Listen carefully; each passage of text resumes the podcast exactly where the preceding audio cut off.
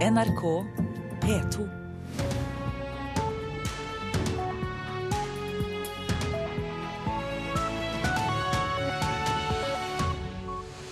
Og Nyhetsmorgen tar deg videre med disse sakene. Den israelske regjeringen har godkjent byggingen av over 3000 boliger i bosettinger på Vestbredden. Donald Trump har nominert en ny konservativ høyesterettsdommer, men han må ha godkjenning av minst åtte demokrater i Senatet også. Trumps boikott av medier og anklager om falske nyheter kan smitte over på andre land, mener norske Penn. Leder av ytringsfrihetsorganisasjonen William Nygaard kommer hit. Og du skal få høre mer fra vielsen av det første homofile paret her i landet, fra Eidskog kirke i Hedmark. Her i studio, Øystein Heggen. Den israelske regjeringen har altså godkjent byggingen av over 3000 nye boliger i bosettinger på den okkuperte Vestbredden. Og dette er fjerde gang siden Trump overtok som president 20.1 at Israel godkjenner bygging av nye boliger. Og hvor er det de skal bygge nå, utenriksmedarbeider Sigurd Falkenberg Mikkelsen? Nei, Mesteparten av eh, disse beslutningene eh, handler om eh, den okkuperte Vestbredden, eh, altså inne eh, på eh, okkupert palestinsk territorium. Det er da 3000 nye boliger som er vedtatt nå, i tillegg til 2500 for, for, for, noen dager siden. I tillegg til det så er det også vedtatt å bygge i to omganger 556 boenheter på i den annekterte Øst-Jerusalem, som da eh, omverdenen også anser som fortsatt okkupert, men som Israel har da annektert. Så det er en litt annen juridisk prosess internt i Israel. Og I løpet av de siste 10-12 dagene så har det kommet flere slike beslutninger. Hvorfor så hyppig nå? Det er jo sannsynligvis eh, fordi det har vært et presidentskifte i USA. Og Israels statsminister Benjamin Netanyahu har ikke lagt skjul på eh, sin entusiasme for den nye administrasjonen. Og han har sagt at det er nå store muligheter eh, etter det harde presset de har vært utsatt for under Barack Obama hva bosettinger angår. Og det er også talende at Det hvite hus ikke har kommentert disse beslutningene, de har ikke fordømt dem, slik den tidligere administrasjon hadde for eh, vane. Eh, og det er også sånn at det er jo et maktskifte også i Utenriksdepartementet i USA, som ofte har ligget eh, i første linje i, i denne diplomatiske, den diplomatiske situasjonen i, i, i, felt. Og der er det også, vært, der er det også stille nå sammenlignet med tidligere. Men har det vært stille andre steder? Har det kommet andre reaksjoner? Ja, Det er klart det har kommet eh, reaksjoner på disse beslutningene fra eh, antibosettingsorganisasjoner internt i Israel, fra palestinere eh, selvfølgelig, som kaller dette en bevisst provokasjon og en latterliggjøring av det internasjonale samfunn. Vi skal huske på at det er ikke lenge siden, rett før jul, så kom FN med en resolusjon, resolusjon 2334, som sterkt fordømmer bosettingene og mener at det er en hindring for å få til en tostatsløsning, at det i praksis, eh, og at det i praksis da umuliggjør eh, å få til en eh, palestinsk stat. Det har vært den gjengse oppfatningen internasjonalt før Trump ble valgt. Takk skal du ha, utenriksmedarbeider Sigurd Falkenberg Mikkelsen. I USA har president Donald Trump utpekt eh, Neil Gorsuch til å bli ny høyesterettsdommer. Det erklærte Trump på en pressekonferanse i natt. Eh, Gorsuch regnes som en konservativ dommer, forteller NRKs eh, USA-konspondent Tove Bjørgaas.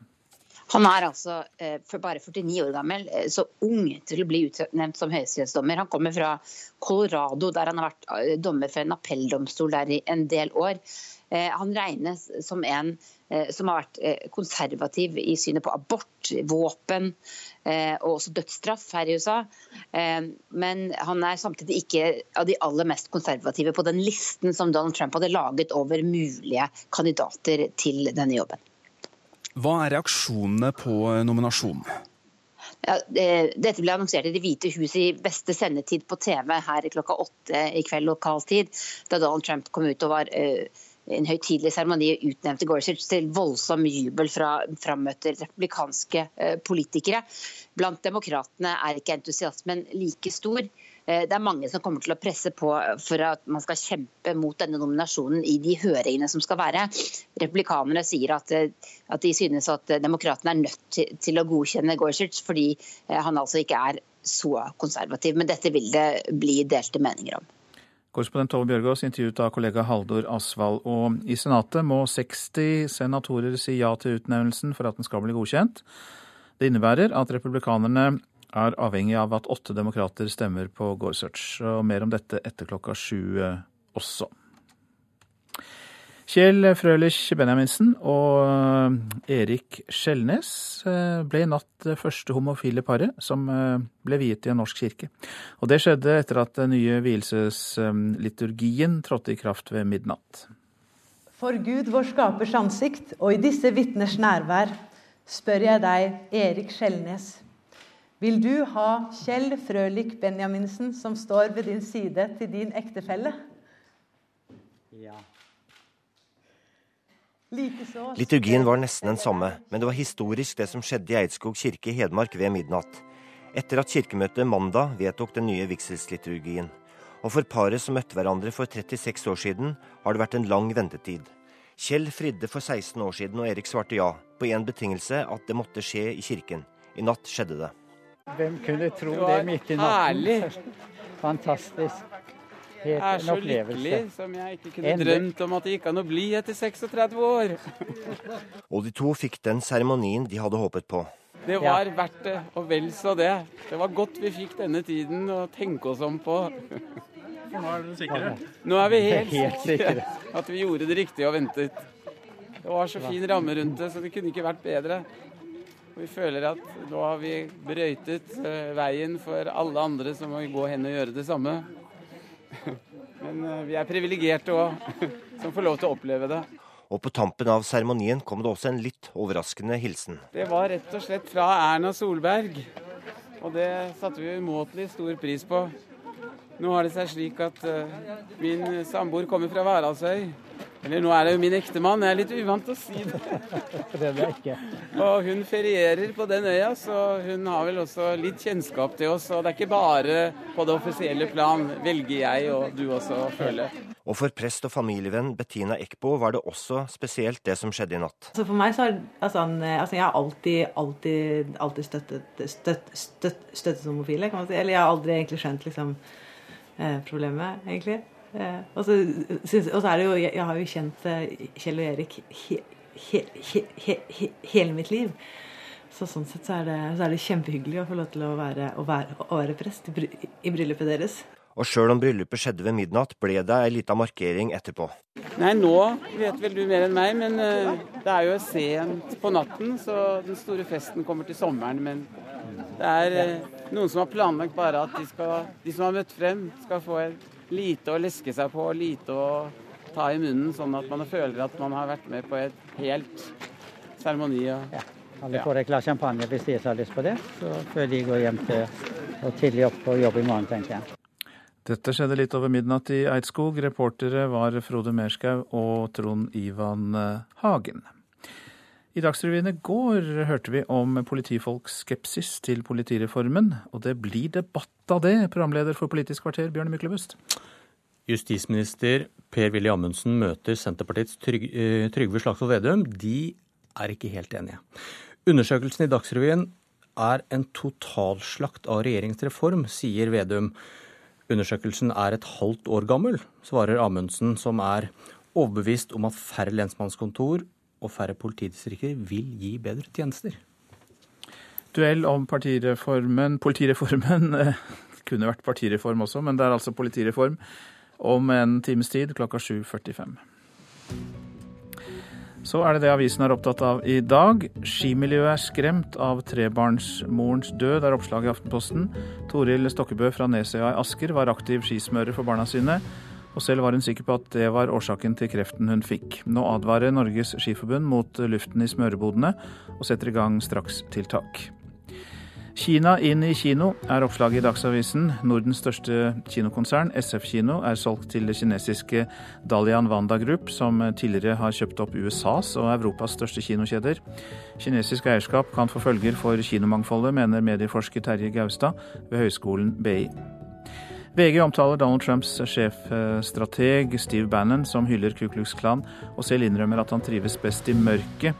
Det er en fordel når de liberale mediene er blinde for hvem vi er og hva vi gjør, har han sagt til magasinet Hollywood Reporter. Den tidligere norske etterretningssjefen Kjell Grandhagen frykter Trump mer enn Putin, er oppslaget i Dagbladet. Det virker som den nye presidenten skyter fra hofta, og åpenbart skader USAs anseelse i verden, sier Grandhagen, som vil gi den nye administrasjonen mer tid før han trekker endelige konklusjoner. Om Donald Trump fjerner sanksjonene mot Russland og EU følger etter, vil det være positivt for norske leverandører i oljenæringen, mener Norsk Industri. Til Klassekampen sier direktør Knut E. Sunde i bransjeorganisasjonen at flere prosjekter var i gang, men ble lagt på is da sanksjonene kom. Advarer mot liberal vridning i Høyre, er oppslaget i Vårt Land. Stortingsrepresentant Tone Wilhelmsen Trøen frykter at partiet hennes er i ferd med å kaste vrak på deler av den verdikonservative arven, fordi liberale krefter i Høyre ligger an til å få stor makt i bioteknologi og familiepolitikk. Rema kastet øl ut fra butikkene. Nå skal dagligvarekjeden bli medeier i fem mikrobryggerier. Kommunikasjonsdirektør Mette Fossum i Rema 1000 forteller Adresseavisen at satsingen skal gi kundene et spennende utvalg innenfor øl. Men eh, direktør i Bryggeri- og drikkevareforeningen Petter Nome sier til avisa at han er bekymret for at de med store økonomiske muskler skal skvise ut småbryggeriene som har skapt dette markedet, og eh, etter hvert også da gi et dårligere utvalg for kundene. I fjor fikk han et eh, gjennombrudd i Eliteserien i fotball, men årets sesongoppkjøring har vært et mareritt for Stabæks Andreas Hanke Olsen. En voldsepisode i starten av januar har holdt ham borte fra treningsfeltet i tre uker, og preger ham fortsatt. Akkurat der og da så skjønte jeg vel ikke helt hva som skjedde. Eh, jeg var vel ikke helt klar over det. Jeg var vel mest bare å prøve å beskytte meg på best eh, mulig måte. Og så i ettertid da, så ser jeg at det er en litt en ganske skremmende hendelse som jeg ja, helst skulle vært foruten. Nøyaktig hva som skjedde den januarkvelden på en T-banestasjon i Oslo, snakker han ikke om. Nei, dette er en politisak ennå, så det har jeg ikke lyst til å gå så mye inn på. Men Andreas Sanke Olsen har tidligere fortalt at han ble utsatt for blind vold. Resultatet av episoden var en kraftig hjernerystelse og en liten blødning for Stabæk-spilleren som ble sengeliggende lenge. Det ble mye lydbok. Veldig mye lydbok. Hva har du hørt på da? Harry Potter, da, tror jeg. Nå er 20-åringen endelig tilbake på gressmatta sammen med lagkameratene. Nei, det er jo så jævlig at eh, det har skjedd, men eh, det er bra han, han er her igjen, da. Forteller Morten Skjønsberg. Stabæk-trener Tony Ordinas sier han fikk sjokk da beskjeden kom fra sykehuset. Jeg husker det veldig godt. Jeg var hjemme og fikk en telefon om hendelsen. Etter hvert måtte jeg rett og slett eh, sette meg ned. Jeg begynte å tenke som en far, ikke bare som trener. Nå er han glad Hanke Olsen er tilbake og kan trene for halv maskin. Unggutten blir ikke med på treningsleir til Malta, men lover å være klar til første seriekamp. Vil du bli klar til sesongstart? Ja. Kommer du til å være redd for å gå opp i en hodeduell f.eks.? Det tror jeg ikke, nei. nei. Forsvarsspiller, da, så jeg kan ikke være redd for hodedueller. Det er litt dumt. Reportere Malin Jørnholt og Lars Bryne. Klokka passerte nettopp 6.46. Dette er hovedsaker. Rett etter midnatt ble det første homofile paret her i landet viet i eh, kirken i Eidskog i Hedmark etter det nye vielsesritualet. Den israelske regjeringen har godkjent byggingen av over 3000 boliger i bosettinger på Vestbredden. Donald Trump har nominert en ny konservativ høyesterettsdommer, men eh, dommer Neil Gorsuch må ha godkjenning av minst åtte demokrater i Senatet først. Og eh, mer om dette etter klokka sju. De fleste innvandrere som har tatt norskprøver på voksenopplæringen, eh, klarer ikke å oppnå det nivået i skriftlig norsk som mange arbeidsgivere krever. Kompetanse Norge, som står bak disse prøvene, mener altfor høye norskkrav kan utelukke drømmejobben for mange nyankomne. Kan du plukke den ordren? Selvfølgelig. Han begynte som praktikant på lageret til bildel- og verkstedet Mekonomen, men fikk etter kun seks måneder tilbud om fast jobb og takket høflig ja. Aid Gørbo har bestått det nest høyeste nivået i norsk som mange arbeidsgivere krever, men er ikke i tvil om at det er på arbeidsplassen språket utvikles. For eksempel, kameraten min han sa «Ai, kan du hente bremse, bremsesko. Jeg, jeg, vet ikke hva, hva, hva er sko. Sko er her. Jeg har på, på meg sko, ikke sant? Og eh, litt på litt jeg lærte for hva, hva, hva skal vi bruke, for hvilken bil. sånn. Aid kom til Norge fra Bosnia for tre år siden og er med bilmekanikerutdanningen sin glad for å være en del av det norske arbeidslivet. Går det bra? Nei. Men langt fra alle nyankomne innvandrere er like heldige. Hvis man kan norsk til et visst nivå, så burde det være mulig å få videreutvikle språket sitt i arbeidslivet. Og for mange så virker det som om terskelen for å komme inn i arbeidslivet når det gjelder språkkunnskaper, er satt er for høy terskel. Det sier direktør i Kompetanse Norge, Gina Lund. Ferske tall fra etaten som står bak norskprøvene, viser at bare litt over en tredjedel av innvandrerne i hovedstadsområdet og landet generelt er over det skriftlige nivået mange arbeidsgivere krever. Det fins mange mennesker som har kompetanser, ferdigheter, som ikke blir brukt godt i Norge i dag. Og Derfor er vi opptatt av å lære alle norsk.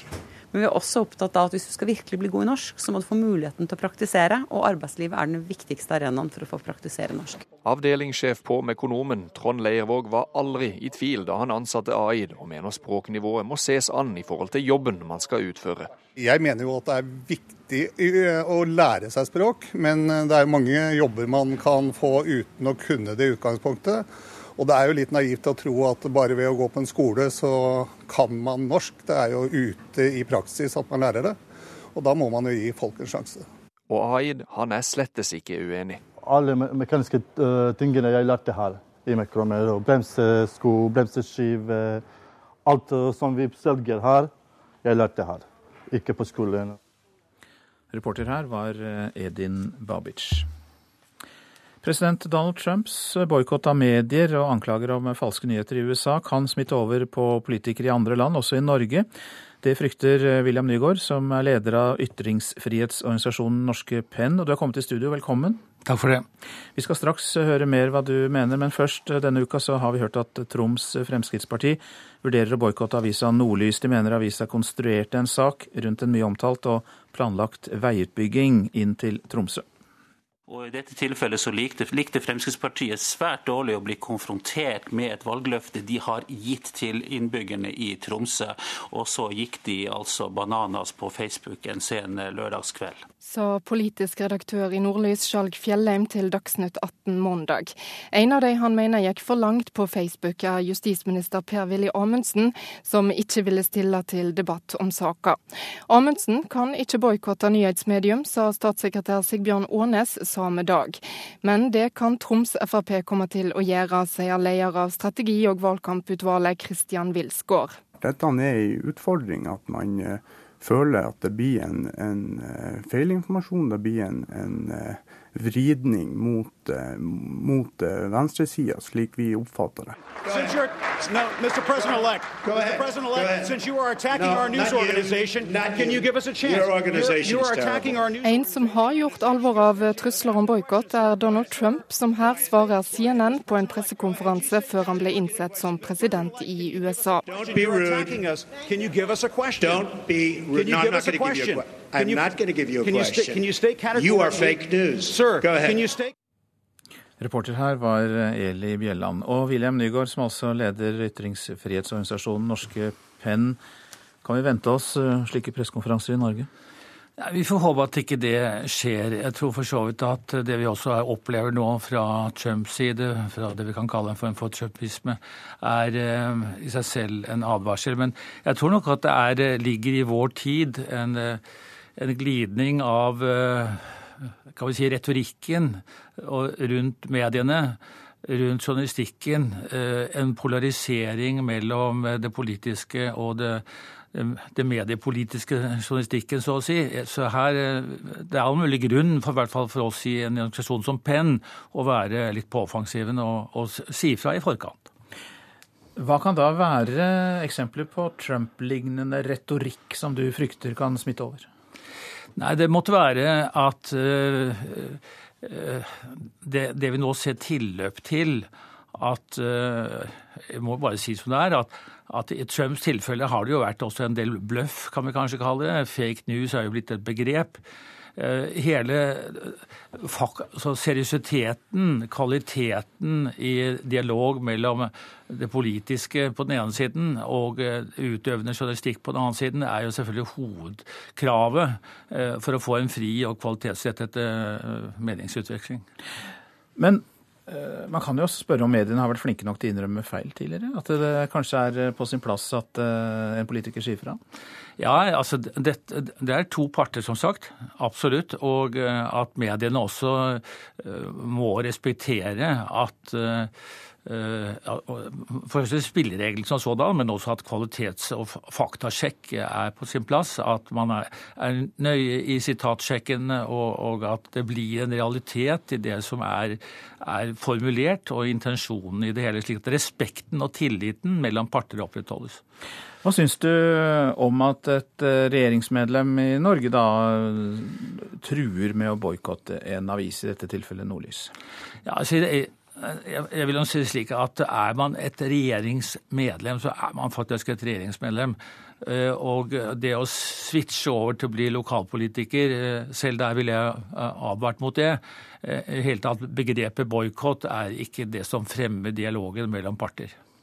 Tror du at uh, sosiale medier uh, har bidratt til dette? Fordi politikerne har jo fått mer direkte tilgang til velgerne på den måten, og kanskje de føler at de trenger ikke mediene like mye som tidligere? Nei, dessverre så på godt og vondt. Men vi, vi, kan si det positivt er jo at sosiale medier utvider mangfoldet i journalistikken. Selvfølgelig, dette er jo en erkjennelse som vi alle vet redaktørstyrte medier får da en utfordring i den forstand at at eh, nærværet må både være kjapt og bevisst og eh, mangfoldig.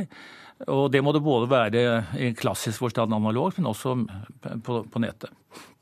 Ser du noen uh, eksempler på smitte da, kan du si, når det gjelder Trump-lignende retorikk i andre land enn Norge? Ja, det, dessverre så ser vi jo det. Det er jo dette som er noe av liksom, varselet og tendensen hele Europa preges jo nå av en konservativt mer orientert legning, og det nyliberale tar litt over i, i kritisk forstand. Vi ja, kommer akkurat fra Tyrkia og ser jo hvor voldsom utslagene er der. Det er det ekstreme, for det jo, har ingenting med demokrati å gjøre. Men vi ser jo også tilløpene i, i Europa for øvrig, i, i, i hovedmediene og, og i flere land. Takk skal du ha, leder av ytringsfrihetsorganisasjonen Norske Penn, William Nygaard. Vi eh, fortsetter eh, litt innenfor samme tematikken. For organisasjoner i Norge som jobber internasjonalt med kunstnere, musikere og forfattere, syns Donald Trumps innreiseforbud er eh, uvirkelig, og at det rammer blindt. Det skaper mange problemer for folk som lager film, skriver og skal turnere. Det er helt absurd. Sier Jan Lote Eriksen om innreiseforbudet til Donald Trump.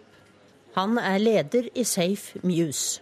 Vi er en uh, liten organisasjon som hjelper musikere som er trua og forfulgt, til, uh, altså, som har problemer i forhold til ytringsfrihet, til å komme på steder hvor, de, hvor det er ytringsfrihet, sånn at de kan få jobbe. Hjelpe ut av vanskelige situasjoner. Uh, organisere residenser for det meste men har også bistått i forbindelse med, med fribyopphold for musikere. Kjenner du til noen som uh, får problemer nå med Donald Trumps innreiseforbud for folk fra sju forskjellige land? Ja, jeg hadde gleden av å jobbe med, med en fantastisk klarinettist som jobber i dette store ensemblet til Jojo Ma. Eh, Kinan Asme. Han er syrisk flyktning. Eh, og um, har etablert seg med leilighet i New York. Grønt kort, kan reise inn og ut i prinsipp som han vil. Han er nå på turné ute i verden og kommer ikke tilbake igjen. Kan ikke komme inn igjen. Eh, så det er klart at for mange musikere som reiser, så er dette et kjempeproblem. Film fra sør er en festival i Oslo som inviterer filmskapere fra Asia, Latin-Amerika og Midtøsten. Lasse Skagen er kunstnerisk leder. Vi som andre syns jo det er helt hårreisende at man eh, velger å innføre et sånt forbud. La oss ta et eksempel som Askar Faradi, som er en av de mine virkelig store eh, favorittregissører. Eh, at, han, at man nekter iranere, og på den måten også han, innreise i et filmelskende land, ikke minst, som det USA er, er jo eh, ja, komplett skandale. Reportere var Tone Staude og Karoline Tollefsen. Og et knapt flertall av dem i USA som har gjort seg opp en mening, sier i en måling at de støtter president Donald Trumps omstridte innreiseforbud.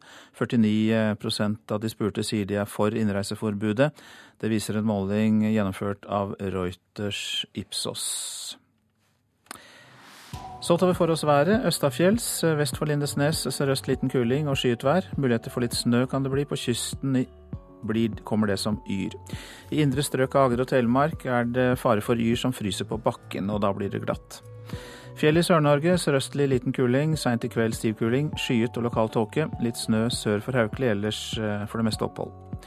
Vestlandet opp i sterk eh, sørøstlig kuling sør for Stad. I ytre strøk litt regn og sludd. Snø i høyden. I indre strøk blir det stort sett oppholdsvær. Det var altså hele Vestlandet. Trøndelag, der er det kort og godt stort sett oppholdsvær. Nordland sørlig liten kuling utsatte steder. På ettermiddagen stiv kuling på kysten i nord. Periode med snø, men sludd eller regn på kysten. På Helgeland oppholdsvær fram til kvelden. Troms oppholdsvær også. Fra ettermiddagen øking til sørøst liten kuling utsatte steder, og stiv kuling i nord. Etter hvert litt snø i Troms. Finnmark fra ettermiddagen sørøst stiv kuling i Vest-Finnmark. Først på dagen snøbyger i ytre strøk. På ettermiddagen litt snø i Vest-Finnmark og på vidda, ellers opphold.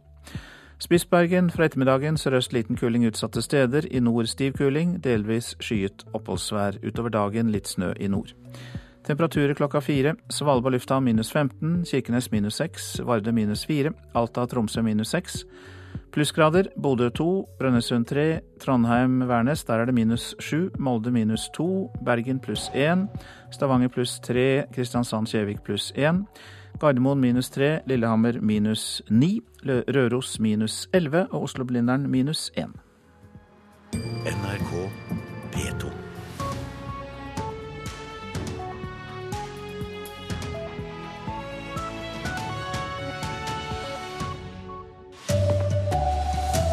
Lærere som tar etterutdanning, sier det endrer måten de underviser på. I Bergen har rusmisbrukere begynt å kreve bompenger i underganger på Laksevåg. Her er NRK Dagsnytt klokken sju. Et stort flertall av lærere som har tatt etterutdanning, sier det har bedret måten de underviser på, og at elevene deres lærer mer. Jeg viser en undersøkelse fra NIFU. Strengere krav til kompetanse gjør at mer enn 30 000 lærere i grunnskolen må etterutdanne seg de neste årene, og undersøkelsen bekrefter at dette er viktig, det sier kunnskapsminister Torbjørn Røe Isaksen. Det viser jo at det var på høy tid å gjøre den satsingen på videreutdanning som vi har gjort. Og det, vi gjør det av to grunner. Det ene er at eh, det er viktig for lærerne nettopp å få ny faglig innsikt, ny faglig inspirasjon. Og så er det andre grunnen som er aller viktigst, nemlig at eh, vi mener at elevene også vil lære mer når eh, lærerne både får informasjon om nye undervisningsmetoder og forhåpentligvis blir mer motivert. Og fra i dag kan lærere søke om opptak på videreutdanning fra høsten. I Bergen krever rusavhengige bompenger fra forbipasserende i undergangene ved Strakshuset på Laksevåg. De siste årene har de okkupert passasjen under Puddefjordsbroen, og nå tar enkelte penger for å slippe folk trygt gjennom. Jeg vil si jeg beklager for, for det, faktisk. For alle oss. Du hører jo, det er jo barnslig. Stilles opp og ta, ta, ta, ta tollpenger. Den heroinavhengige kvinnen vi møter på Laksevåg, er oppgitt over at enkelte i rusmiljøet krever penger fra de som ønsker å gå gjennom de to undergangene ved Strakshuset.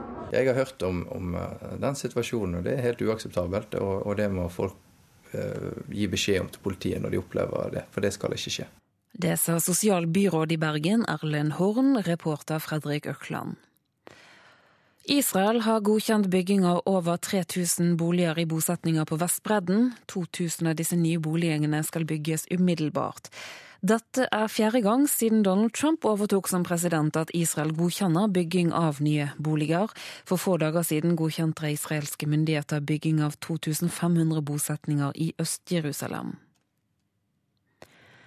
Folk med dårlig råd lever i snitt to år kortere enn andre, ifølge en ny studie. Lav status og inntekt inngjør dermed en større risiko enn overvekt eller høyt alkoholinntak. Inaktivitet utgjør omtrent like stor risiko som en plassering i det laveste økonomiske sjiktet, ifølge studien. Røyking er fortsatt det som forkorter livet mest. I gjennomsnitt lever røykere fem år kortere enn ikke-røykere, ifølge den EU-finansierte studien. NRK Dagsnytt, Turi Grønbekk. Og Nyhetsmorgen fortsetter med disse sakene. Russisk spionasje og forsøk på å påvirke Norge er blant de vesentligste truslene mot landet de neste årene, mener PST. Donald Trump har nominert en ny konservativ høyesterettsdommer, men han må ha godkjenning av minst åtte demokrater i eh, Senatet. Iran trodde atomavtalen skulle fjerne sanksjoner mot landet. Nå har USA i stedet gitt iranere innreiseforbud. Og som vi hørte i Dagsnytt, eh, lærerne mener de er blitt bedre til å undervise når de har gjennomført etterutdanning. Vi spør fagforeningen Utdanningsforbundet om den eh, derfor vil skryte av regjeringens tiltak nå. Russisk spionasje og forsøk på å påvirke Norge er altså blant de, mest, eh, de viktigste truslene mot landet de neste årene. Det mener Politiets sikkerhetstjeneste, PST. De legger fram sin årlige trusselvurdering i dag. Årets trusselvurdering fra Politiets sikkerhetstjeneste vil etter det NRK forstår ha et sterkt fokus på etterretningsvirksomhet rettet mot Norge fra Russland. Arne Kristian Haugstøyl leder kontraetterretningen i PST og sier Norge er utsatt. Vi ser at eh, Norge på lik linje med andre land blir utsatt for eh, påvirkningsoperasjoner. Eh, det kan være seg nettroll, det kan være falske nyheter. Hvorfor er dette så alvorlig for Norge? Dette er alvorlig fordi en vellykket påvirkningsoperasjon vil skape alternative sannheter. I Norge er vi helt avhengig av at vi kan ha tillit til politikerne våre og til beslutningstagere. Eh, dersom eh, man lykkes med dette, eh, så vil det undergrave den tilliten. NRK fortalte i forrige uke om Nobelkomiteen som ifølge PST var utsatt for en informasjonsoperasjon der russisk etterretning i Norge var involvert.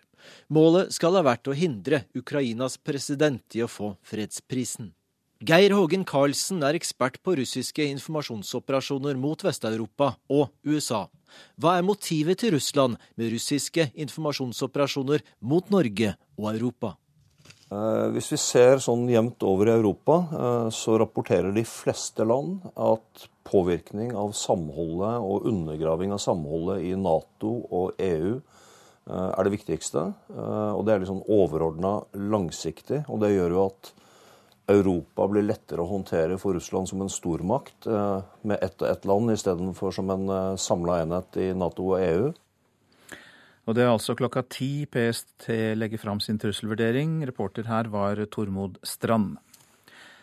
President Donald Trump utpekte i natt 49 år gamle Neil Gorsuch til ny høyesterettsdommer i USA. Det var ikke overraskende at Trump valgte nettopp Gorsuch. Han er konservativ, men ikke så konservativ at demokratene i Senatet vil nekte å godkjenne ham. I pledge that if I am confirmed, I will do all my powers permit to be a faithful servant of the Constitution and laws of this great. Han har vist konservative holdninger som dommer i saker som har omhandlet abort og prevensjon, våpenkontroll og dødsstraff. Neil Gorsuch fra Colorado anses imidlertid som et fornuftig valg av Donald Trump som i natt framsto slik amerikanske presidenter pleier, da han hadde invitert til en høytidelig seremoni i Det hvite hus midt i beste sendetid. Today I am keeping another promise to the American people by nominating Judge Neil Gorsuch Gorsuch ble enstemmig godkjent i Senatet til dommerembetet han har hatt de siste årene. Derfor mener president Trump demokratene må godkjenne ham. He was confirmed by the Senate unanimously. Also, that's unanimous. Can you believe that nowadays with what's going on? Valget til Trump var ikke overraskende. I valgkampen offentliggjorde han en liste over mulige dommere til Høyesterett, og Gorsuch sto på denne lista. Nå må han altså godkjennes, og det krever et flertall på 60 i Senatet, der republikanerne bare har et flertall på 52. Det er opprørsstemning mot Trump blant demokratene på Capitol Hill. Uh,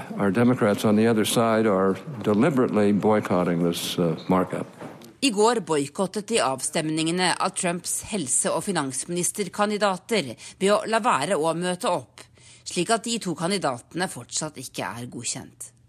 Demokrater er stadig opprørte over at republikanerne ikke ville holde godkjenningshøringer for dommerkandidaten Barack Obama utpekte til å fylle den tomme plassen i Høyesterett etter dommer Scalias død i fjor. Republikanerne argumenterte med at utnevnelsen av høyesterettsdommere er så viktig at når en dommer dør i et valgår, bør en vente med å fylle plassen, slik at velgerne får sagt sitt.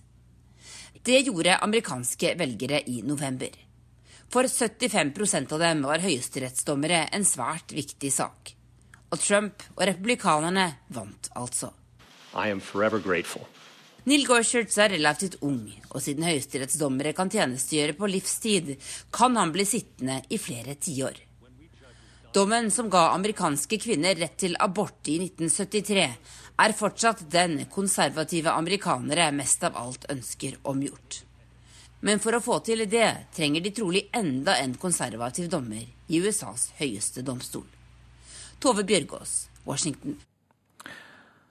Og med oss fra studio i Trondheim, Henrik Heldal, kommentator i amerikansk politikk.no. God morgen. Morgen, morgen.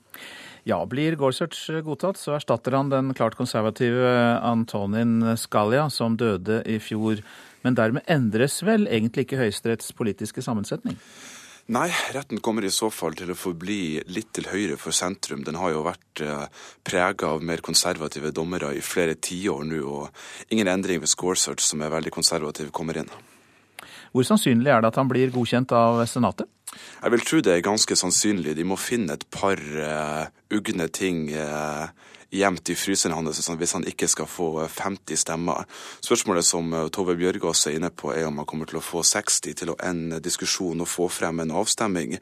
Det er litt, et litt større spørsmål. Han er nok såpass kvalifisert at det vil være vanskelig for, for demokratene å, å ikke avslutte, sin, eh, avslutte debatten og gi han en faktisk avstemning hvor han kommer til å få de fem, over 50 stemmene nødvendig. Hadde han vært litt mindre kvalifisert, så kunne de kanskje ha gjort et argument for det, men det vil være en måte å gjøre seg selv upopulær på hvis de skulle, hvis de skulle gjøre det, for det vil bare være av politiske hensyn. Mm. I de fleste andre land så eh, er man ikke så opptatt av hvem som blir nominert eh, til høyesterettsdommere. Det er et viktig embete, men det er ikke noen stor offentlighet rundt det. Hvorfor er Høyesterett så viktig i USA? Det er veldig mye politikk i USA som formes gjennom Høyesteretten, og de har eh, historie for å ta viktige saker opp til Høyesteretten. Både abort og homofilt ekteskap eh, er jo eh, lov i alle 50 stater i USA fordi det, blitt, eh, det har blitt gjort sånn av Høyesteretten. Så det er veldig vanlig at, at saker avgjøres der. og det har blitt av den grunn veldig politisk, og når det blir politisk, så blir det mer oppmerksomhet satt rundt hvem som blir nominert dit. Det begynner å bli valgkampløfter. Det var Trumps viktigste valgkampløfte var at han skulle hente inn en ny uh, høyesterettsdommer som var lik Scalia. Så det har bare på en måte bygd seg opp over de siste tiårene, og det har blitt mer og mer uh, politisk. Nå sa jo også Gorsuch uh, i sin tale at han sto på Grunnloven, at han ville overlate til politikerne å endre lovverket. Hva legger han i det? Mener han da at uh, Høyesterett tidligere har gått for langt i å endre, justere og lage lover? Vel, Han mener at eh, demokratene ofte har vært altfor glad i å ta saker og avgjøre de politiske sakene i Høyesteretten, og at de heller burde blitt avgjort av politikerne. Han er en, eh, en type eh, dommer som ser på eh, Høyesteretten som et satt dokument, ikke et levende, pustende dokument som skal tolke lover, men som har sine faste rammer og lovtolkninger satt fra den dagen Grunnloven ble skrevet, og gjør ikke mange mange veldig nye, kreative tolkninger av Grunnloven. Så det er det han, han mener med de ordene. Er det sannsynlig at Trump eh, kommer til å få flere nominasjoner til Høyesterett i sin tid? La oss tenke fire år fram. Ja, det er sannsynlig at han får en til, med tanke på at det er veldig mange som er, som er over, flere dommere som er over 80, som sitter på, som sitter på eh, på høyesterettsbenken, det var en av de store sakene som ble tatt opp i, eh, i valgkampen. Det er ofte litt overdrivelse i amerikansk valgkamp med at de neste fire årene så dør det to eller tre eller fire. Men denne gangen så er det sannsynlig at han får nominere kanskje, én til. Takk skal du ha, Henrik Heldal, kommentator i amerikansk politikk.no. Nå til eh, Iran, for eh, der hadde de i det lengste håpet at USAs nye president ville oppheve sanksjonene mot landet, at de dermed skulle komme ut av isolasjonen. Men nå har altså president Donald Trump innført eh, reiseforbud for iranske statsborgere til USA, og Iran har øyeblikkelig svart med å nekte amerikanske statsborgere innreise til Iran. Og USA og Israel har også hevdet at Iran gjennomførte rakettester denne uka. ولی این یه چیزیه که بین مردم ایران و آمریکا هم خراب میکنه Jeg tror dette kan skade forholdet mellom iranere og amerikanere, sier iranske Ali Reza Rahwani. Han eier og driver et reisebyrå i Istanbul, der han hjelper landsmenn med visum til USA. Og vanligvis er han travel, for mange iranere reiser. Amerika'da İranlı çok var. Det er så mange iranere som bor i USA. De er statsborgere eller har oppholdstillatelse eller green cards. Og familiemedlemmene besøker dem ofte. Flere tusen har turistvisum som de har betalt 160 dollar for her i Istanbul. Og mange migranter har betalt hele 600 dollar.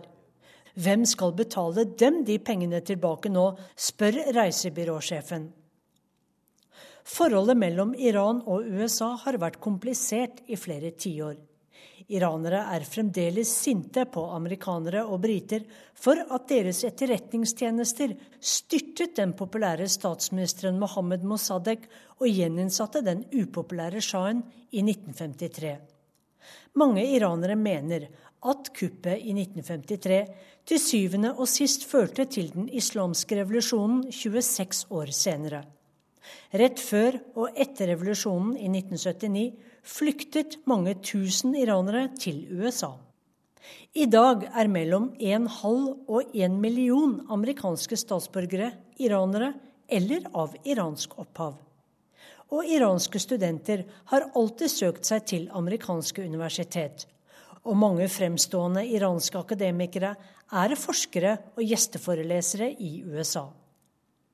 President Hassan Rouhani lovet å bringe iranerne ut av isolasjonen ved å undertegne atomavtalen.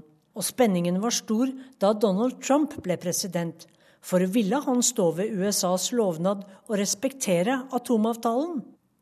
Da Trump i stedet svarte med et reiseforbud, skapte han sinne og frustrasjon i Iran. Og Iran innførte innreiseforbud for amerikanske statsborgere. USA og Israel mener at Iran testet nye raketter denne uken. Var det i tilfelle en hilsen til USAs nye ledelse? Men i går ville Irans utenriksminister Zarif verken bekrefte eller avkrefte rakettoppskytingen. Ingen av Irans ballistiske missiler er i stand til å bære atomvåpen. Disse rakettene kan bare frakte konvensjonelle våpen, sier Javad Zarif, som for å berolige. Tyrkia fikk nok av USA og har vendt seg mot president Putin i Russland, sier reisebyråsjefen til Reuters. Og nå er det klart at også Irans president Hassan Rouhani reiser til Moskva. I mars skal han møte president Vladimir Putin rapporterte korrespondent Sissel Wold. Klokka den har passert 7.16. Dette er Nyhetsmorgen. Vi har disse hovedsakene. Russisk spionasje og forsøk på å påvirke Norge er blant de vesentligste truslene mot landet de neste årene, mener PST. Donald Trump har nominert en ny konservativ høyesterettsdommer, men han må ha godkjenning av minst åtte demokrater i Senatet, i tillegg til republikanerne. Den israelske regjeringen har godkjent byggingen av over 3000 boliger på Vestbredden. Et stort flertall av lærere som har tatt etterutdanning, sier de nå har endret måten de underviser på. Det viser en undersøkelse fra det nordiske forskningsinstituttet NIFU. Strengere krav til kompetanse gjør at mer enn 30 000 lærere i grunnskolen må etterutdanne seg de neste årene. Kjetil Tonning på Østerås skole i Bærum sier etterutdanningen har gjort ham til en bedre mattelærer. Det to røde kuler. Hvor mange blå er det da? Fem. Ja, Tror du det er noen gule? Hvorfor ikke det? Det ene er at jeg har blitt faglig sterkere i matematikk selv. Det andre er at undervisningsmetoden har blitt litt eh, annerledes. Den er mindre tradisjonell med at de bare sitter og gjør oppgaver. Og så har det blitt mer muntlig, det er mer diskusjoner, det er mer refleksjon. Og det igjen fører til at vi sammen klarer å få en større forståelse for det vi holder på med. Han er ikke alene. I en undersøkelse sier nesten samtlige lærere at de har endret undervisning etter etterutdanningen, og sju av ti at de har blitt bedre lærere. Det er positive tall, sier utdanningsforsker Kai Gjerustad, som står bak undersøkelsen. Det er veldig høye tall, altså. Må si det. Det er, jo, det er over 90% som opplever kvaliteten på studiet som god. og det er jo veldig mange to av tre som sier at de, eh, dette, dette, gjør at elevene lærer mer. Det er høye tall, altså. Helt klart. I dag mangler nesten én av tre matematikklærere tilstrekkelig fordypning i faget de underviser i. Det samme gjelder en fjerdedel av norsklærerne og nesten halvparten av engelsklærerne. Lærerne og arbeidsgiverne deres har fått en frist på åtte år til å få rettet på dette. Antall studieplasser for etterutdanning er økt, og neste år skal regjeringen bruke om lag 1,3 milliarder kroner. Men kommunene må også bidra, og det er et problem at noen henger etter, sier kunnskapsminister Torbjørn Røe Isaksen. Selv om vi har tredoblet antallet plasser, så er det flere lærere som søker enn det vi har eh, plasser til. Men det er altfor store forskjeller mellom kommuner. Og det er jo kommunen som arbeidsgiver som har ansvaret for å sikre at lærerne har den kunnskapen og den kompetansen de trenger. Men da må alle kommuner også si ja. Eh, for det problemet har ikke vært at lærerne ikke har søkt, men at for mange kommuner har sagt nei. Men kan vi være sikre på at det ikke er noen gule? Nei. Nei, det kan vi aldri være. Tilbake på Østerås skole er lærer Kjetil Tonning helt klar på hva han mener om etterutdanning. Alle blir bedre. Er du en god lærer, så blir du enda bedre. Jeg anbefaler det på det sterkeste. Jeg syns det er veldig bra. Og til lærere som har hørt dette, fra i dag så kan du altså søke om etterutdanning for neste skoleår. Reporter var Tom Ingebrigtsen. Og vi har selvfølgelig bedt Steffen Handal om å komme. Velkommen. Takk for det. Leder i Utdanningsforbundet. En lykkelig etterutdannet lærer, hørte vi her. Det er all grunn til å skryte av regjeringen, da? Ja, absolutt. Både regjeringen og de andre partiene som støtter opp om eh, videreutdanningsstrategien. Eh, det regjeringen har gjort her, er virkelig å prioritere videreutdanning høyt.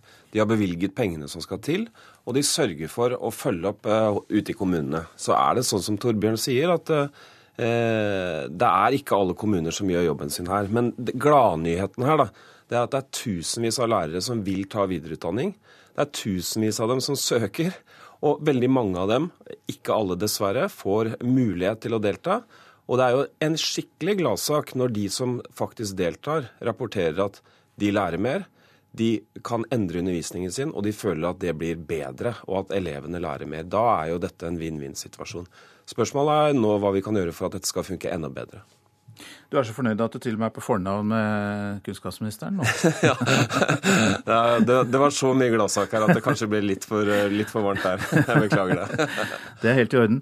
Eh, hva syns du da om at de endrer måten de underviser på, disse lærerne som får etterutdanning? Altså ni av ti det er veldig spennende, syns jeg. og det, eh, Selvfølgelig så kan vi jo ikke vite om undervisningen blir bedre, men det er jo all grunn til å tro det. Eh, det som kanskje er litt synd her, det er at eh, veldig mange av de som kommer tilbake til skolen etter å ha gjennomført videreutdanning, de sier at de ikke formelt sett får lov til å dele av det de har lært med sine kollegaer. Det gjør de litt sånn uformelt, og det er jo bra. Men vi kan nok eh, få mer igjen for disse pengene hvis vi lar disse lærerne få dele av sin kompetanse når de kommer tilbake. Og så har jeg lyst til å si en ting til som er litt, kanskje litt malurt i begeret. Fram mot 2025 så skal altså 30 000 lærere videreutdannes for at de skal oppfylle disse nye kompetansekravene som regjeringen har stilt. Det lurer jeg på om vi kommer til å klare. Og det er i hvert fall sånn at hvis vi skal klare det, så må kommunene ta mer ansvar. Og jeg mener også at staten burde finansiere den delen av videreutdanningsstrategien som nå lærerne selv må finansiere. Eh, når de innførte dette med tilbakevirkende kraft, altså at alle lærere må oppfylle kompetansekrav på et gitt tidspunkt, så mener jeg at de har innført en plikt til videreutdanning da mener jeg altså de har eh, en plikt til å betale eh, for gilde selv.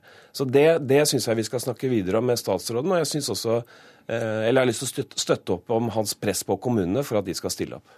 Hvor mye må en lærer betale selv, da? 25% av andelen. Hvor mye kan det bli? Nei, de, betaler jo veldig mye med tid, så det er litt vanskelig å sette, sette en prislapp på det. Men det er klart at uh, lærere vil ta denne videreutdanning. De vil bidra. Men det er også sånn at når mange opplever å stå i en situasjon hvor de vil, men, og de må egentlig på sikt, fordi at eh, de må oppfylle nye kompetansekrav. Og så opplever de at kommunene sier nei. Det fins jo ikke noe mer frustrerende enn det.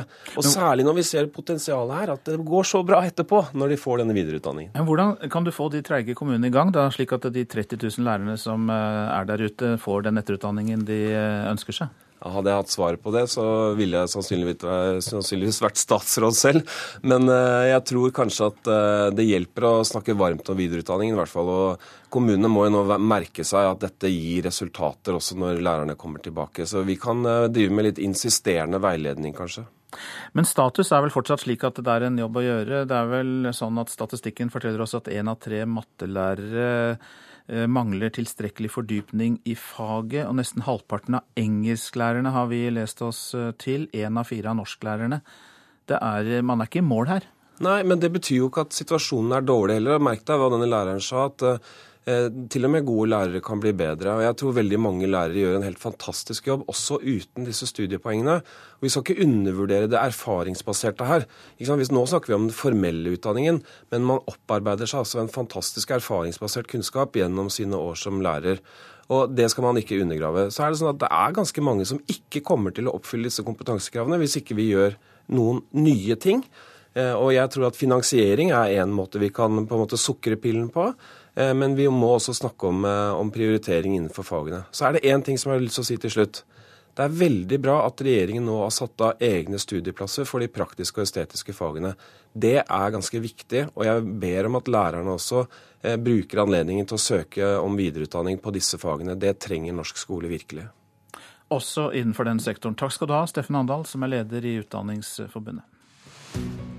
Vi tar en titt på avisene. Skimiljøet skremt av trebarnsmorens død, er oppslaget i Aftenposten. Toril Stokkebø fra Nesøy Asker var aktiv skismører for barna sine, og selv var hun sikker på at det var årsaken til kreften hun fikk. Nå advarer Skiforbundet mot luften i smørebodene. Kina inn i kino er oppslaget i Dagsavisen. Nordens største kinokonsern, SF Kino, er solgt til det kinesiske Dalian Wanda Group, som tidligere har kjøpt opp USAs og Europas største kinokjeder. Frykt for eh, kinomangfoldet fra medieforsker Terje Gaustad, skriver avisa. VG omtaler Donald Trumps sjefstrateg Steve Barron som hylles av Ku Klux Klan. Selv innrømmer han at han trives best i mørket. Det er en fordel når de liberale og mediene er blinde for hvem vi er, sier Barron. Den tidligere norske etterretningssjefen Kjell Grandhagen frykter Trump mer enn Putin, er oppslaget i Dagbladet. Presidenten skyter fra hofta og skader USAs anseelse, men Grandhagen vil gi den nye administrasjonen tid før han trekker endelige konklusjoner. Om Donald Trump fjerner sanksjonene mot Russland og EU følger etter, vil det være positivt for norske leverandører i oljenæringen, mener Norsk Industri. Til Klassekampen sier direktør Knut E. Sunde at flere prosjekter var i gang, men ble lagt på is da sanksjonene kom. Advarer mot liberal vridning i Høyre, er oppslaget i Vårt Land. Stortingsrepresentant Tone Wilhelmsen Trøen frykter at partiet er i ferd med å kaste vrak på deler av den verdikonservative arven, fordi liberale krefter i Høyre ligger an til å få stor makt i bioteknologi og familiepolitikk. Rema kaster øl ut fra butikken. Nå skal dagligvarekjeden bli medeier i fem mikrobryggerier. Kommunikasjonsdirektør Mette Fossum i Rema 1000 forteller Adresseavisen at satsingen skal gi kundene spennende utvalg. Men eh, Bryggeri- og drikkevareforeningen er skeptisk og frykter for mangfoldet.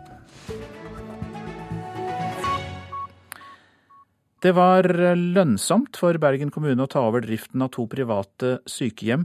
Både byrådet og opposisjonen mente de ville tape millioner på å ta over. Men åtte måneder etter overtagelsen har kommunen plutselig fått penger til gode. Hei, Hei Ingeborg. Hei. Er det arbeid i dag? Hæ? På Søreide sykehjem i Bergen er det film som står på programmet. Noen av de 90 eldre som bor her, er samla framfor fjernsynet i ei av dagligstovene. Fram til mai 2016 bodde de alle på en privat sykehjem, men nå er det kommunen som står for drifta. Vi har det fint måte. Jeg har ingenting å klage over. Aleris drifta sykehjemmet i tolv år, men i fjor ble de kasta ut. Byrådspartiene Ap, Venstre og KrF ville ha kommersielle aktører vekk fra eldreomsorgen og ta over drifta både på Søreide og i Odinsvei. Høyresida protesterte. NHO Service mente det ville koste kommunen opp mot 11 millioner kroner å ta over. Sjøl regna byrådet seg fram til en merkostnad på 3,5 million. Men fasiten er at sykehjemmene har gått vel så bra i kommunale hender. På Søreide brukte de 4,7 millioner kroner mindre enn forventa i 2016. Det var jo det som ble sagt også når vi var private, at vi driftet rimeligere enn i kommunale institusjoner. Og nå ser vi jo selvfølgelig det også, at vi har et eh, pluss. Det sier styrer Ingunn Kjemhus. Etter at sykeheimen ble kommunal, holdt de fram med å drifte den like effektivt som før. Det har gått som før, sånn som vi driftet det i privat regi. Helsebyråd Vigdis Anita Gårdskjen fra KrF sier de ikke visste hvor effektivt det ble drevet på Søreide. Hun er glad for at de nå har penger som kan gå tilbake til de eldre. Det er ikke noen grunn til at kommunen ikke skal, skal drive vel så bra. Og eh, når det er under kommunalt eie, så eh, sikrer vi også at et eh, overskudd som kan være nettopp basert på god drift, vil komme de eldre til gode. Man får vel et mer riktig kostnadsbilde når de har drevet en tre til fem år. Det sier administrerende direktør i Aleris, Erik Sandøy. De mista kontrakten med kommunen i fjor, og han er ikke overraska over at sykehjemmet på Søreide fremdeles går i pluss. Vi har de siste årene drevet med et Eh, plussregnskap, så det overrasker meg ikke. fordi eh, det er jo også slik at eh, Søreide overtok jo alle ansatte med leder og de som var der. og De er jo vant til å jobbe i, i den struktur, i den kvalitet vi har lagt til grunn. Så jeg syns jo bare det er hyggelig. Ja. Styrer Ingunn Kjemhus på Sørøy det vil gjerne syne fram hvordan de gjør det til andre kommunale sykehjemmer. Her gjelder det å gjøre hverandre god, også på at, skal i, at alle skal gå i balanse. Og, og, motsatt, vi vil jo også ta det beste fra kommunen til Søreide. Målet må jo være at alle drifter like godt. Reporter var Jon Bolstad. Du lytter til Nyhetsmorgen, produsent i dag Eli Bjelland. Her i studio Øystein Eggen.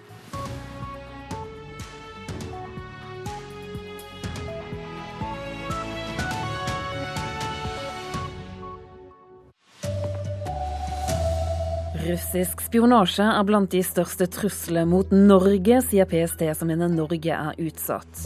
Etterutdanning får lærere til å endre måten de underviser på. Og i natt gikk et homofilt par til alters i en norsk kirke for aller første gang. God morgen, her er NRK Dagsnytt, klokken er 7.30. Russisk spionasje og forsøk på å påvirke Norge er en av de største truslene mot landet de neste årene. Det mener Politiets sikkerhetstjeneste, som legger fram sin årlige trusselvurdering i dag. Arne Christian Haugstøyl leder kontraetterretningen i PST, og sier at Norge er utsatt. Vi ser at eh, Norge på lik linje med andre land blir utsatt for eh, påvirkningsoperasjoner. Eh, det kan være seg eh, nettroll, eh, det kan være falske nyheter. Årets trusselvurdering fra Politiets sikkerhetstjeneste vil etter det NRK forstår ha et sterkt fokus på etterretningsvirksomhet rettet mot Norge fra Russland. Hvorfor er dette så alvorlig for Norge? Dette er alvorlig fordi en vellykket påvirkningsoperasjon vil skape alternative sannheter. I Norge er vi helt avhengig av at vi kan ha tillit til politikerne våre og til beslutningstagere. Eh, dersom eh, man lykkes med dette, eh, så vil det undergrave den tilliten. NRK fortalte i forrige uke om Nobelkomiteen som ifølge PST var utsatt for en informasjonsoperasjon der russisk etterretning i Norge var involvert. Målet skal ha vært å hindre Ukrainas president i å få fredsprisen. Geir Hågen Karlsen er ekspert på russiske informasjonsoperasjoner mot Vest-Europa og USA. Hva er motivet til Russland med russiske informasjonsoperasjoner mot Norge og Europa? Eh, hvis vi ser sånn jevnt over i Europa, eh, så rapporterer de fleste land at påvirkning av samholdet og undergraving av samholdet i Nato og EU eh, er det viktigste. Og det er litt sånn overordna langsiktig. Og det gjør jo at Europa blir lettere å håndtere for Russland som en stormakt, eh, med ett og ett land istedenfor som en eh, samla enhet i Nato og EU. Reporter var Tormod Strand. President Donald Trump utpekte i natt 49 år gamle Neil Gorsuch til ny høyesterettsdommer i USA. Gorsuch er konservativ, men ikke så konservativ at demokratene i Senatet vil nekte å godkjenne ham. I pledge that if I am confirmed, I will do all my powers permit to be a faithful servant of the Constitution and laws of this great country. Han har vist konservative holdninger som dommer i saker som har omhandlet abort og prevensjon, våpenkontroll og dødsstraff. Neil Gorsuch fra Colorado anses imidlertid som et fornuftig valg av Donald Trump, som i natt framsto slik amerikanske presidenter pleier, da han hadde invitert til en høytidelig seremoni i Det hvite hus midt i beste sendetid. Today I am keeping another promise to the American people by nominating Judge Neil Gorsuch Neil Gorsuch er relativt ung, og siden høyesterettsdommere kan tjenestegjøre på livstid, kan han bli sittende i flere tiår. Dommen som ga amerikanske kvinner rett til abort i 1973, er fortsatt den konservative amerikanere mest av alt ønsker omgjort. Men for å få til det trenger de trolig enda en konservativ dommer i USAs høyeste domstol. Tove Bjørgaas, Washington. Et stort flertall av lærere som har tatt etterutdanning, sier det har endret måten de underviser på. Det viser en undersøkelse fra det nordiske instituttet NIFU. Strengere krav til kompetanse gjør at mer enn 30 000 lærere i grunnskolen må etterutdanne seg de neste årene. Kjetil Tonning på Østerås skole i Bærum sier etterutdanning har gjort ham til en bedre mattelærer. Her er det to røde kuler. Hvor mange blå er det da? Ja, forutsatt at, Tror du det er noen gule? Hvorfor ikke det? Det ene er at jeg har blitt faglig sterkere i matematikk selv. Det andre er at undervisningsmetoden har blitt litt eh, annerledes. Mer muntlig, det er mer diskusjoner. Og det igjen fører til at vi sammen klarer å få en større forståelse for det vi holder på med. Han er ikke alene. I en undersøkelse sier nesten samtlige lærere at de har endret undervisning etter etterutdanningen, og sju av ti at de har blitt bedre lærere. I dag mangler nesten én av tre matematikklærere tilstrekkelig fordypning i faget de underviser i. Det samme gjelder en fjerdedel av norsklærerne og nesten halvparten av engelsklærerne. Lærerne og arbeidsgiverne deres har fått en frist på åtte år til å få rettet på dette. Antall studieplasser for etterutdanning er økt, og neste år skal regjeringen bruke om lag 1,3 milliarder kroner. Men kommunene må også bidra, og det er et problem at noen henger etter, sier kunnskapsminister Torbjørn Røe Isaksen. Det er jo kommunen som arbeidsgiver som har ansvaret for å sikre at lærerne har den kunnskapen og den kompetansen de trenger. Men da må alle kommuner også si ja. eh, For det problemet har ikke vært at lærerne ikke har søkt, men at for mange kommuner har sagt nei. Men kan vi være sikre på at det ikke er noen gule? Nei. Nei, det kan vi aldri være. Tilbake på Østerås skole er lærer Kjetil Tonning helt klar på hva han mener om etterutdanning. Alle blir bedre. Er du en god lærer, så blir du enda bedre. Jeg anbefaler det på det sterkeste. Jeg syns det er veldig bra. Reporter Tom Ingebrigtsen. Og Steffen Handal, som leder lærernes fagforening Utdanningsforbundet, skryter av regjeringen og de andre partiene som har støttet satsingen på videreutdanning av lærere. Det er tusenvis av lærere som vil ta videreutdanning. Det er tusenvis av dem som søker. Og veldig mange av dem, ikke alle dessverre, får mulighet til å delta. Og det er jo en skikkelig gladsak når de som faktisk deltar, rapporterer at de lærer mer. De kan endre undervisningen sin, og de føler at det blir bedre, og at elevene lærer mer. Da er jo dette en vinn-vinn-situasjon. Så til at Israel har vedtatt å bygge over 3000 nye boliger på den okkuperte Vestbredden. Det går fram fra en uttalelse fra det irakiske forsvarsdepartementet. Israelske myndigheter benytter seg av det nye spillerommet de har fått etter at Donald Trump tok makten i USA. Den siste beslutningen om 3000 nye boliger er den hittil største siden Trump tok makten. I de elleve dagene som har gått siden maktskiftet i Washington, har de i tillegg annonsert byggingen av 2500 boenheter samme sted, samt 556 i Øst-Jerusalem. Under internasjonal lov er denne byggingen ulovlig, og FN fordømte bosettingene i Sikkerhetsrådsresolusjon 2334 like før jul. Der heter det at dette er et stort hinder for en tostatsløsning, altså en egen palestinsk stat, side om side med Israel. Men etter at Trump tok makten, har ikke Det hvite hus kommentert nybyggingsvedtakene, og den amerikanske presidenten har tydelig signalisert sterk støtte til Israel. Palestinske myndigheter kaller nybyggingsvedtakene en bevisst provokasjon. Samtidig forbereder israelsk ordensmakt evakueringen av den lille Amona-bosettingen som israelsk rett ikke har godkjent.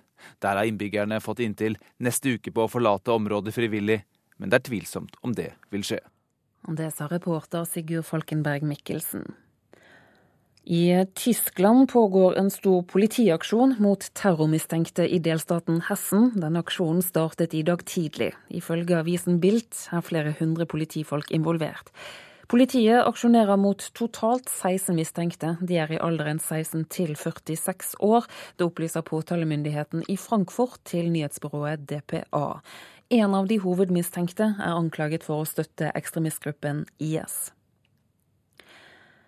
Kjell Frølich Benjaminsen og Erik Skjelnes ble i natt det første homofile paret som giftet seg i en norsk kirke. Og det skjedde etter at den nye vigselsliturgien trådte i kraft ved midnatt. For Gud vår skapers ansikt og i disse vitners nærvær spør jeg deg, Erik Skjelnes. Vil du ha Kjell Frølik Benjaminsen som står ved din side, til din ektefelle? Ja. Liturgien var nesten den samme, men det var historisk det som skjedde i Eidskog kirke i Hedmark ved midnatt. Etter at kirkemøtet mandag vedtok den nye vigselsliturgien. Og for paret som møtte hverandre for 36 år siden, har det vært en lang ventetid. Kjell fridde for 16 år siden, og Erik svarte ja, på én betingelse, at det måtte skje i kirken. I natt skjedde det. Hvem kunne tro det, det midt i natten? Herlig. Fantastisk. Helt jeg er så lykkelig som jeg ikke kunne Endel. drømt om at det gikk an å bli etter 36 år. og de to fikk den seremonien de hadde håpet på. Det var ja. verdt det, og vel så det. Det var godt vi fikk denne tiden å tenke oss om på. For nå er dere sikre? Nå er vi helt, helt sikre at vi gjorde det riktige og ventet. Det var så fin ramme rundt det, så det kunne ikke vært bedre. Vi føler at nå har vi brøytet eh, veien for alle andre som må gå hen og gjøre det samme.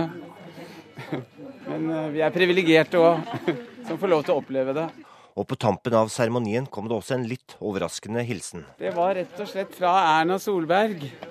Og det satte vi umåtelig stor pris på. Reportere her var Frode Meskau og Trond Ivan Hagen. Ansvarlig for NRK Dagsnytt denne morgenen, det er Sven Gullvåg. Her i studio, Turi Grønbøk.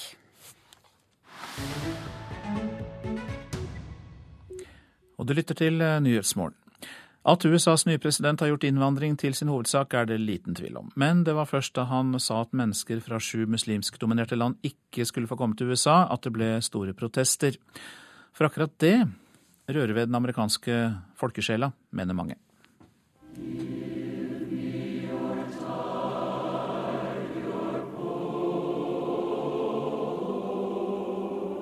Gi meg dine slitne og fattige, de opphopede massene som higer etter å puste fritt. Send de hjemløse som blir kastet hit og dit, til meg. Jeg løfter mitt lys ved den gylne port. Amerikanere får tårer i øynene når de hører The Mormon Tabernacle Choir synge disse ordene. For de ordene, det diktet, er det som står inngravert på sokkelen til Frihetsgudinnen på Liberty Island i New York selve symbolet på USAs identitet som en nasjon og et samfunn skapt av innvandrere.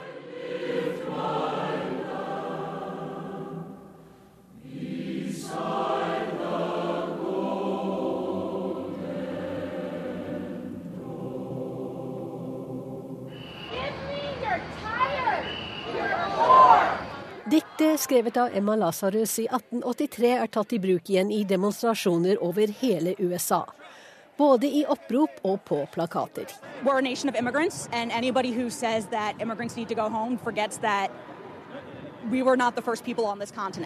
Alle som sier at innvandrere må dra hjem igjen, glemmer at vi ikke var de første som var her, sier Catherine Gansler, som demonstrerer utenfor Det hvite hus i Washington DC.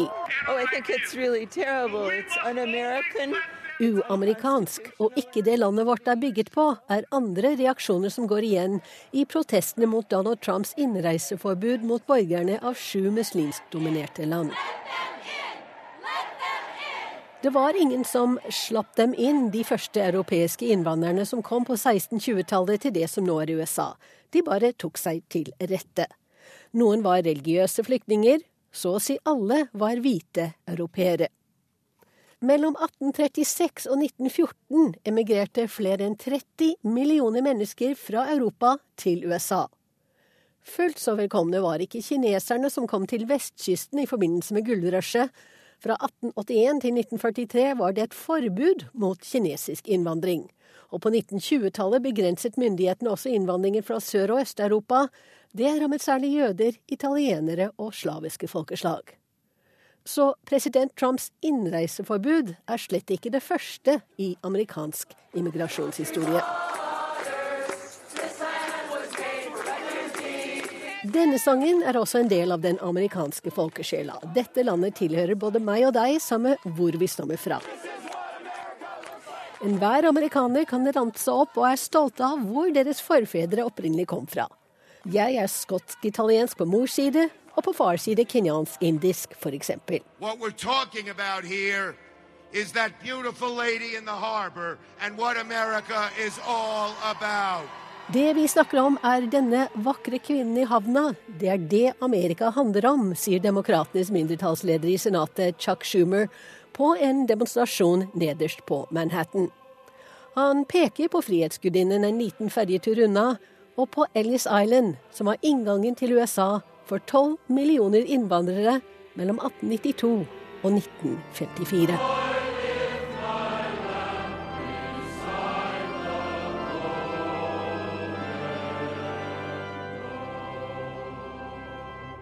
Og Wenche Eriksen var reporter. Dette er hovedsaker i Nyhetsmorgen. Russisk spionasje og forsøk på å påvirke Norge er en av de største truslene mot landet de neste årene, mener Politiets sikkerhetstjeneste, som legger fram sin årlige trusselvurdering i dag. Donald Trump har nominert en ny konservativ høyesterettsdommer, men Neil Gorsuch må ha godkjenning av minst 60 senatorer. Det betyr at åtte av demokratene må stemme for ham. Etterutdanning får lærerne til å endre måten de underviser på, viser undersøkelse. Strengere krav til kompetanse gjør at mer enn 30 000 lærere i grunnskolen må etterutdanne seg de neste årene. For første gang er et homofilt par blitt viet i en norsk kirke. Det skjedde straks etter midnatt i Eidskog kirke i Hedmark, da den nye vielsesliturgien trådte i kraft. Og programleder for Politisk kvarter nå er Bjørn Myklebust.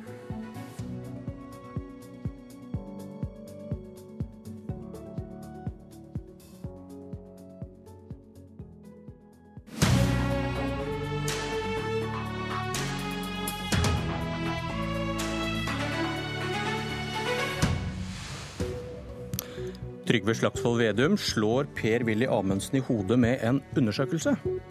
Amundsen mener undersøkelsen ikke har tyngde nok til å krumme et hårstrå på hans hode.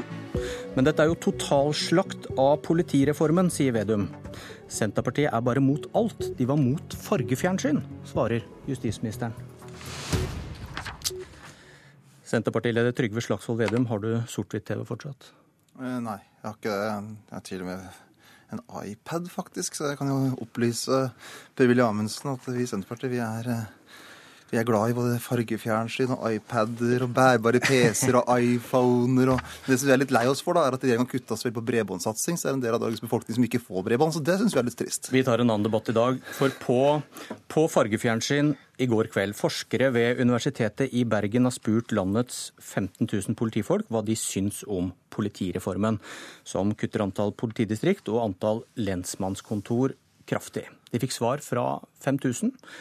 Bare 13% mente at politireformen ville føre til et mer synlig og tilgjengelig politi. Bare 19% er enig i at reformen vil bidra til mer effektiv kriminalitetsbekjempelse. Og justisminister Per-Willy Amundsen, varm forkjemper for nærpolitireform og fargefjernsyn. Hva tenker du om skepsisen blant politifolkene dine? Det er helt forståelig. Fordi at uh, dette var før vi begynte å rulle ut reformen. Før vi begynte å gjennomføre reformen. Så det, egentlig så er dette en ganske, ganske eh, intetsigende eh, undersøkelse. Fake eh, news? Det sier jeg ikke. Men det jeg sier er at i forbindelse med gjennomføringa av nærpolitireformen, så har vi satt Difi, altså Direktoratet for forvaltning og IKT, til å gjøre ei følgeevaluering. Denne undersøkelsen dere viste til i går, på Dagsrevyen, på første sak, for øvrig uten å informere om det, er en såkalt nullpunktundersøkelse, der man da stiller spørsmål før man gjennomfører reformen, om hva de ansatte i politi- og lensmannsetaten har av forventninger til reformen. Reformen starta vel 1.1. januar, dette, dette, og dette var et halvt år etter, var det ikke det? Dette, eh, ja, det, dette var før vi begynte å gjennomføre reformen. Vi var endelig enda i planleggingsfasen. Eh, og Det er derfor vi kaller det en nullpunktanalyse. Og så, kommer, og så, følger man det og evaluerer det underveis. Eh, og Det syns jeg godt dere kunne ha fortalt om i går eh, på Dagsrevyen. Fordi at det, Dermed så er heller ikke denne undersøkelsen på noen som helst slags måte ei evaluering eller tilbakemelding om hvordan man opplever gjennomføringa av reformen. Men, og det er korrekt, det, er, det har noe om forventningen til reformen. Og da er det sånn at alle som blir, skal gjennom en reform, de oppfatter det selvfølgelig som utfordrende. Det er selvfølgelig ikke noe morsomt å, Eh, den usikkerheten det er å stå eh, i en reform og ikke helt vite hvordan blir jeg flytta om på, hvilke konsekvenser får det for min arbeidshverdag. Det er realiteten. Derfor eh, er dette altså en nullpunktanalyse. Det forteller ingenting om gjennomføring av reformen. Og Det syns jeg faktisk okay, okay. det hadde tjent NRKs ære dersom de faktisk også redegjorde for det på Dagsrevyen i går. Men så legger regjeringen fram denne reformen og hva den skal være og hva den skal føre til, tidlig i 2015. Og i 100 debatter mellom da og sommeren 2016, i ett og et halvt år, forteller dere da Senterpartiet og alle andre at vi bør skjønne at dette er en reform som vil styrke politiet. Og hvorfor skulle det være så vanskelig for dine politifolk å forstå dette sommeren 2016? Som jeg, jeg har jo nettopp uh, gjort rede for det. Jeg sier det at uh, før man ruller ut reformen, før man ser, før, får, før, før, man opplever hva det faktisk betyr i bedre kvalitet, i bedre tjenester, forutsetninger for å levere tjenester for politiet, bedre utstyr, bedre materiell, eh, satsing på informasjonsteknologi, eh, satsing på operativ politikraft der ute, som er det politireformen handler om. Før man får se det, så er det selvfølgelig ikke rart at man da i utrygghet tenker at OK, hvilke konsekvenser får det meg, for meg som ansatt? Da er man selvfølgelig eh, litt var. Men det, det, betyr jo at alle de gangene dere har sagt at vi burde kunne la oss overbevise om at dette er en lur reform, det var ikke sant. Vi hadde ikke informasjonen nok til å mene noe fornuftig om det. Jo, vi har jo selvfølgelig informasjon til å vite noe fornuftig om det. Da burde vel politifolkene også skjønne dette, da? Nå kverulerer du, ikke sant. Politireformen det handler om å gi bedre tjenester operativt politi der ute. Det handler om et likeverdig polititilbud. Det handler om at du og jeg og alle andre i dette landet skal være sikre på at politiet stiller opp, hjelper deg den dagen du trenger det. Det handler om bedre forhold for å kunne etterforske. Det handler om eh, bedre oppbygging av kompetansemiljø som kan bekjempe nye Eh, avanserte former for kriminalitet. Typiske informasjons... Okay. Eh, kriminalitet. Tilbake, tilbake Mange forutsetninger som vi er nødt å møte i det 21. århundre. Vi kan ikke løse eh, dagens utfordringer på kriminalitetsbildet med å benytte oss av den politistrukturen som var på 70-tallet. Okay, men bare For å oppsummere den runden her. Det er et halvt år gammelt, denne undersøkelsen. Du hevder at tallene ville vært annerledes hvis vi hadde målt i dag. Men det er bare en påstand. Du, altså, vet, ikke, du vet, ikke, noe det, om det. Det jeg sier, er det følgende. Vi, dette er ifølge evaluering. Men bare svar på det. Du har, du har ikke noe tall for å underbygge den påstanden din. Eh, det jeg kan si, er at jeg forventer at når vi ser resultatene av reformen Og det er jo da du må spørre. Du må jo spørre Men du påstår at de, de ville svart noe annerledes i dag. Nei, du påstår at de ville sagt noe annerledes i dag. Det vi skal vente på, det er resultatene når vi spør etter gjennomføring av reformen. Da kan vi spørre politifolkene, da kan vi spørre folk der ute. Syns dere at reformen var en suksess? Da får du svaret. Du får ikke svaret før du gjennomfører reformen. Du får svaret etter at du har gjort det. Dette er egentlig ikke noe rakettvitenskap. Hvis du vil ha svar på om reformen fungerer, så må du altså spørre etter at du har gjennomført okay. reformen, ikke før. Da må vi kverulere litt med din sidemann Trygve Slagsvold Vedum. Du, eh, 36,8% har svart på denne undersøkelsen. De klarte ikke engang Jaglands 36,9. Forskerne skriver man må være varsom med å trekke bastante konklusjoner. Hvilken konklusjon var det du trakk igjen? Nei, den er jo, Tilbakemeldingen er ganske tydelig. for Det er her jo 5786 politifolk som har svart. Forskerne, forskerne skriver man må være varsom å trekke bastante konklusjoner. Og totalslakt er din konklusjon. Ja, det som, det vil, er det å være varsom med bastante konklusjoner? Men Det som man ser av den eh, undersøkelsen, er jo f.eks. når man spør tror man at det her, den såkalte nærpolitireformen kommer til å skape mer politi nært der folk bor så svarer kun 4% av de 5786 stykkene som blir spurt. Det er greit, ja. men svar på spørsmålet, fordi det er noen forbehold her. Ja, Vær varsom med å trekke bastante konklusjoner. Hvorfor tror du forskerne maner til denne edrueligheten? Man skal jo alltid vurdere de tilbakemeldingene han får. Men dette her er den bredeste, grundigste tilbakemeldingen vi som politikere har fått. Men du sier noe annet enn forskerne? Min... De sier ikke totalslakt, de sier man må være varsom. Og hvorfor tror du de maner til edruelighet? Nei, men Det er viktig at man er, er edruelig. Men ikke minst så er det viktig for en statsråd når han sitter på statsrådskontoret sitt, å ikke umyndiggjøre når 5786 folk som har politiuniformen på, sier at denne reformen her drar politiet i feil retning. Men det kan være det bare er de misfornøyde som har svart her, tror du ikke det? Jo, men De sier jo også, eh, når du leser eh, kommentarene til undersøkelsen, at de mener undersøkelsen er eh, relevant, at den kan brukes, at det er så så stor bredde i svaret at det her er en undersøkelse som gir et riktig, gir et bilde som kan brukes i offentlig ordskifte. Men, ikke, og, og, men, men da ikke trekk bastante konklusjoner, sier de. Nei, men her vil i hvert fall uh, Per-Willy Amundsen se at alarmklokkene går. For det er veldig skummelt som statsråd sitte på sitt kontor i findressen og så si at alle folka som har politiuniformen på, ser ting feil. Og det er jo ingen tvil om at denne reformen fører til sentralisering. Når f.eks. nå det skal legges ned litt over 120 tjenestesteder rundt omkring i hele Norge. Og når det som også Amundsen bør ta som Eller kan, jo, Amundsen, Amundsen var den forrige. Han lagde en reklamefilm for seg sjøl. Og da var det selvfølgelig skryt av justisministeren. Eh, men når man da skal svare anonymt, så sier folk at de har en veldig stor uro for reformen. At det blir dårligere tjenester, dårligere forebygging, dårligere polititjenester nært der folk bor. Og det her er jo ikke Senterpartiet som har lagd undersøkelsen. Det er ikke Nordlys som har lagd denne undersøkelsen. Det er politiet sjøl som har svart til Universitetet i Bergen i en statsfinansiert undersøkelse. Som, er, en nullpunkt, som er en nullpunktundersøkelse før man gjennomfører reformen. Og vi lærer i høyeste grad av det. Det er derfor vi gjennomfører følgeevalueringer. Nettopp, Jeg hadde et møte i går med Difi for å få de foreløpige funnene som de har gjort. Og det, det kommer vi til å gjøre kontinuerlig gjennom reformen. Følgeevalueringa forteller oss om noe og om hvordan vi skal følge opp fortløpende. Og så, det er mulig, jeg, jeg, tror ikke, jeg, tror vi er omtrent like fine dresser, Vedum. Eh, og, og, jeg sitter altså ikke så veldig mye på kontoret. Jeg, jeg, er faktisk opptatt av å være der ute. Jeg er faktisk opptatt av å lytte til politiet. Og jeg kommer til å reise veldig mye rundt og lytte til politiet som, eh, som hver eneste dag står på og gjør hva de kan for å levere trygghet i hverdagen for folk flest. Det er kjempeviktig. Og så, Ikke er så veldig interessert i å diskutere pavens skjegg, selv om kanskje du er det, basert på en, en undersøkelse som, som, da er en nullpunktanalyse. Det som er viktig, det er at under denne regjeringa så har vi altså lagt til rette for en historisk satsing på politiet. Vi har økt eh, inntekten, altså vi har økt budsjettet til politiet med 4,6 milliarder reelt sett 2,5 milliarder, hvis du korrigerer det for hvordan, pris og lønn. Hvordan forklarer du denne motstanden fra Senterpartiet? Vi har ansatt 1800 politifolk ca. siden denne regjeringa eh, overtok. Vi har, eh, vi har satsa på politiet, greit, og samtidig hvordan, hvordan, gjennomfører vi en reform. Ja, hvordan forklarer du Senterpartiets motstand mot denne reformen? Hva ja, bunner altså, det i? Senterpartiet er jo, det er en kjent sak. Senterpartiet er imot alt nytt. De er imot alle reformer. Jeg har aldri opplevd en reform Senterpartiet før. Derfor så var det også sånn under forrige regjering at det ble ikke gjennomført noen reformer.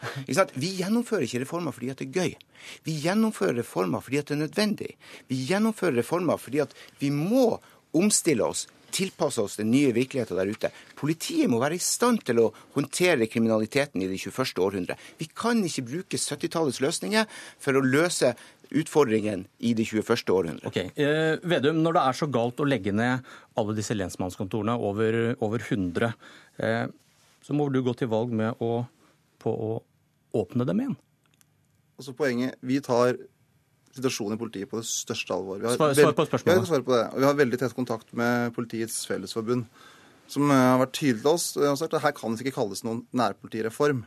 For her er det blitt en sånn saneringsreform av mye av de tjenester rundt omkring i hele landet. Så det må kalles eventuelt en politireform. Og det har vært noe av feilen til regjeringen. At de har beskyldt og kalt det en nærpolitireform når det er sentralisering som er svaret. Og så må vi se eh, hvilket mandat vi får neste høst. Hvordan vi kan styrke politiet, få mer politiressurser ut, og hvor du kan få fullverdig gode ledelsesmannskontorer. Men, men en, ting er, en, en, ting er, hva dere får gjennomslag for med Arbeiderpartiet, men må ikke du som Senterpartileder gå til valg på å åpne over 100 lensmannskontorer igjen, etter den retorikken du nå bruker?